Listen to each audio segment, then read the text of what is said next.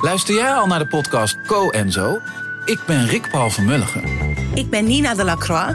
En samen met jouw man René voeden wij twee kinderen op in twee huizen. Co-ouderschap. We hebben het over alles wat je daarin tegenkomt. Maar ook over de juice tijdens onze kinderloze dagen, want die heb je ook in het co-ouderschap. Een podcast voor alle ouders in alle vormen, maar ook voor alle mensen zonder kinderen. Zijn we eerlijk, heerlijk herkenbaar. Dus luister naar Co en Zo in je favoriete podcast-app.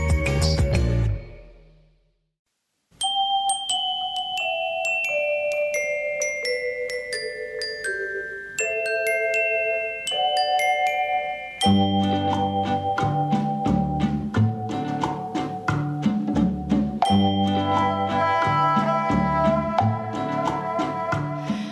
bij aflevering 87 van de Echt Gebeurd podcast. Bij Echt Gebeurd worden waargebeurde verhalen verteld door mensen die het zelf hebben meegemaakt. Deze week is dat het verhaal van Emilio Guzman. Het thema van de middag was een nieuw begin.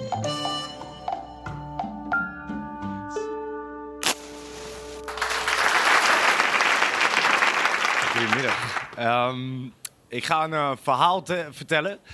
En dat is ook eh, mijn, eh, mijn werk. Ik ben cabaretier en ehm, dat heb ik misschien wel van mijn vader. Die was ja, heel goed in, in verhalen vertellen. Ik ging als kind altijd aan zijn lippen. Wat ja, gek is, want ik verstond hem nooit. Mijn vader sprak Spaans en ik niet. Ehm, mijn vader was ook een Spanjaard, eh, ik ook. Eh, ik ben daar ook geboren, maar ik woon al sinds mijn derde met mijn eh, moeder en mijn broer hier in Nederland. Dus ja, ik spreek ook het Spaans van een, van een driejarige.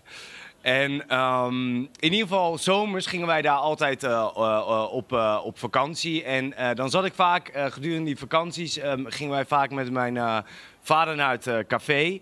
En daar had mijn vader altijd het hoogste woord. Hij, ja, eigenlijk hing de hele bar dan aan zijn lippen. Hij vertelde het vol overgave, hij maakte veel grappen en... en, en eh, en altijd als hij dan naar de wc ging, dan, dan, dan keken mensen naar mij zo, hè, die dan aan de bar zaten van, oh, je hebt het maar eh, getroffen met zo'n eh, vader.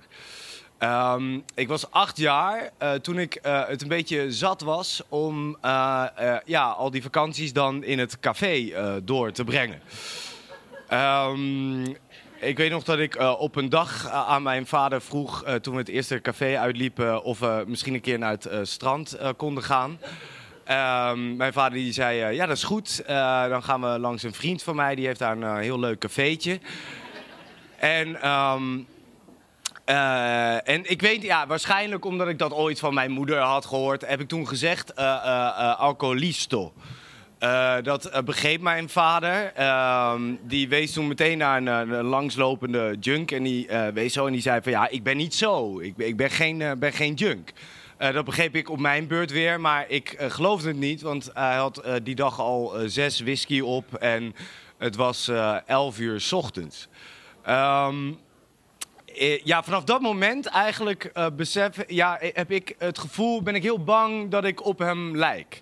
Terwijl ik fysiek heel erg op hem lijk. Ik, ik zie hem best vaak zo in de spiegel.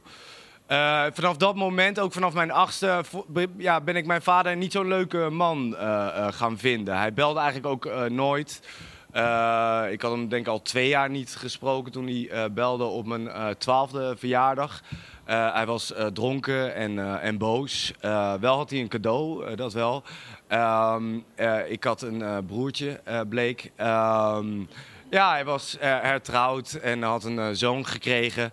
Eh, ik, was in, ja, ik was daar helemaal niet blij mee, natuurlijk, toen de tijd. Ik dacht, ja, waarom vergeet je mij? En heb je wel tijd voor een hele nieuwe zoon?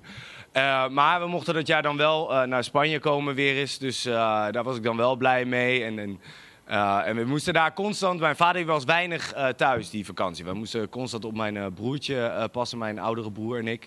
En mijn broertje moest heel erg huilen. Waarschijnlijk ook omdat hè, zijn vader niet, er niet was. Maar ik vond het maar een verwend joch. Ik dacht de van ja, maar wat zit je nou te huilen? Ik bedoel, jij hebt gewoon alles. Je hebt gewoon een vader. Ehm, ik denk dat het... ja, ik denk dat ik toen daarna eh, zo'n eh, tien jaar eh, mijn vader niet heb gesproken. Tot twee jaar voor zijn dood ik een ja, hoop verloren energie in hem heb gestoken.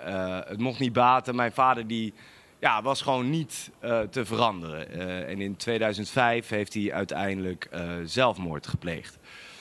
Um, ik was de enige zoon op de begrafenis. En ik voelde me echt heel, heel alleen. Mijn oudere broer die, kon er niet zijn.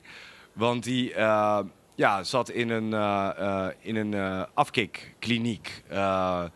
hij heeft helaas dezelfde ziekte als mijn vader. Hij is ook een, een alcoholist. En mijn jongere broertje kon er ook niet zijn, omdat nou ja, zijn moeder die kon het niet over haar hart verkrijgen om aan hem te vertellen wat er dan precies met onze vader was gebeurd. Ik heb mijn broertje daarna ook amper meer gesproken, jarenlang. Omdat ik, ja, ik wist gewoon niet hoe ik daarover moest beginnen. En ik was op dat moment ook heel erg bezig met mijn, met mijn oudere broer. Die rolde echt van de ene verslaving in de andere. En ik verzorgde hem dan.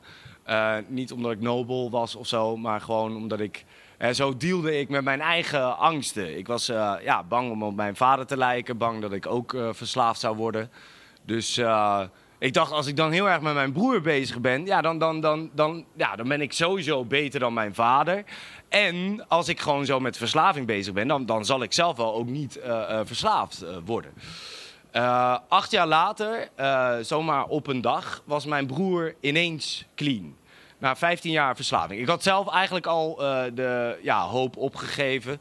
Hij, ja, nogmaals, hij rolde van de ene verslaving de andere. Ik dacht echt dat cocaïne wel het einde zou betekenen. Maar ineens, wonderwel, kwam een droom voor mij uit. Maar ik had gewoon na 15 jaar had ik ineens mijn oudere broer weer terug. En ik ging dat jaar uh, meteen uh, om het vieren naar Spanje. Om mijn jongere broertje dan eindelijk weer te bezoeken.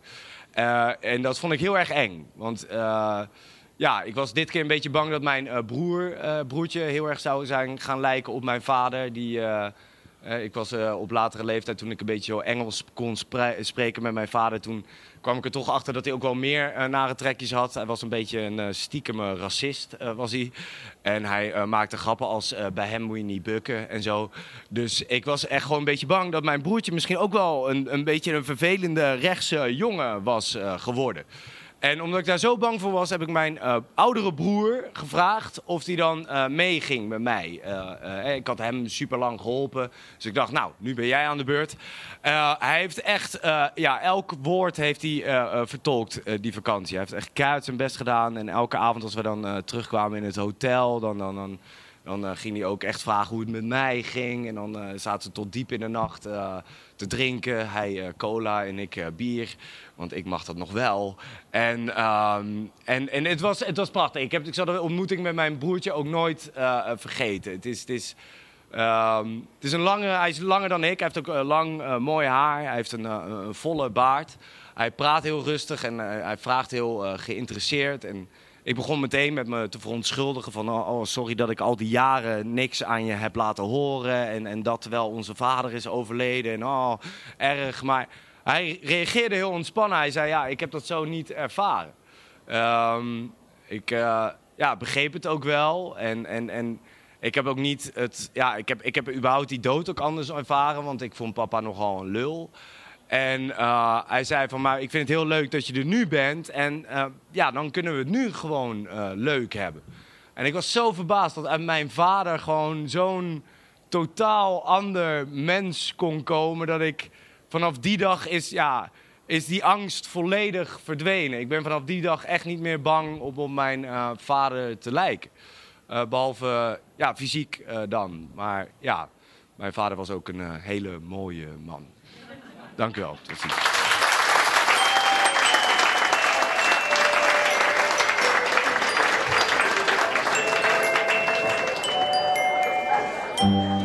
Dat was Emilio Guzman.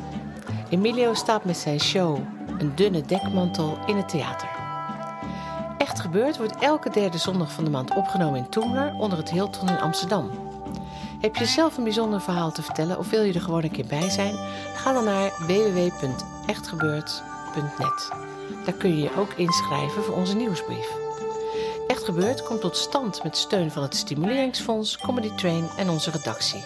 Die bestaat uit Paulien Cornelissen, Micha Wertheim, Rosa van Toledo en mijzelf, Eva Maria Staal. De techniek is in handen van Nicolaas Vrijman. Maar ook kunt u ons helpen door zelf een verhaal te vertellen of door iemand te tippen die goed kan vertellen. Geef ons een goede waardering op iTunes, like ons op Facebook of volg ons op Twitter of op woord.nl. Dat hebben we allemaal echt hard nodig, want hoe meer mensen van ons weten, hoe meer mooie verhalen er bij ons verteld kunnen worden. De volgende aflevering van Echt Gebeurd is op 15 maart en het thema is Alles voor het geld. Bedankt voor het luisteren en vergeet niet, soms hoef je alleen maar naar je familie te kijken om te weten wie je bent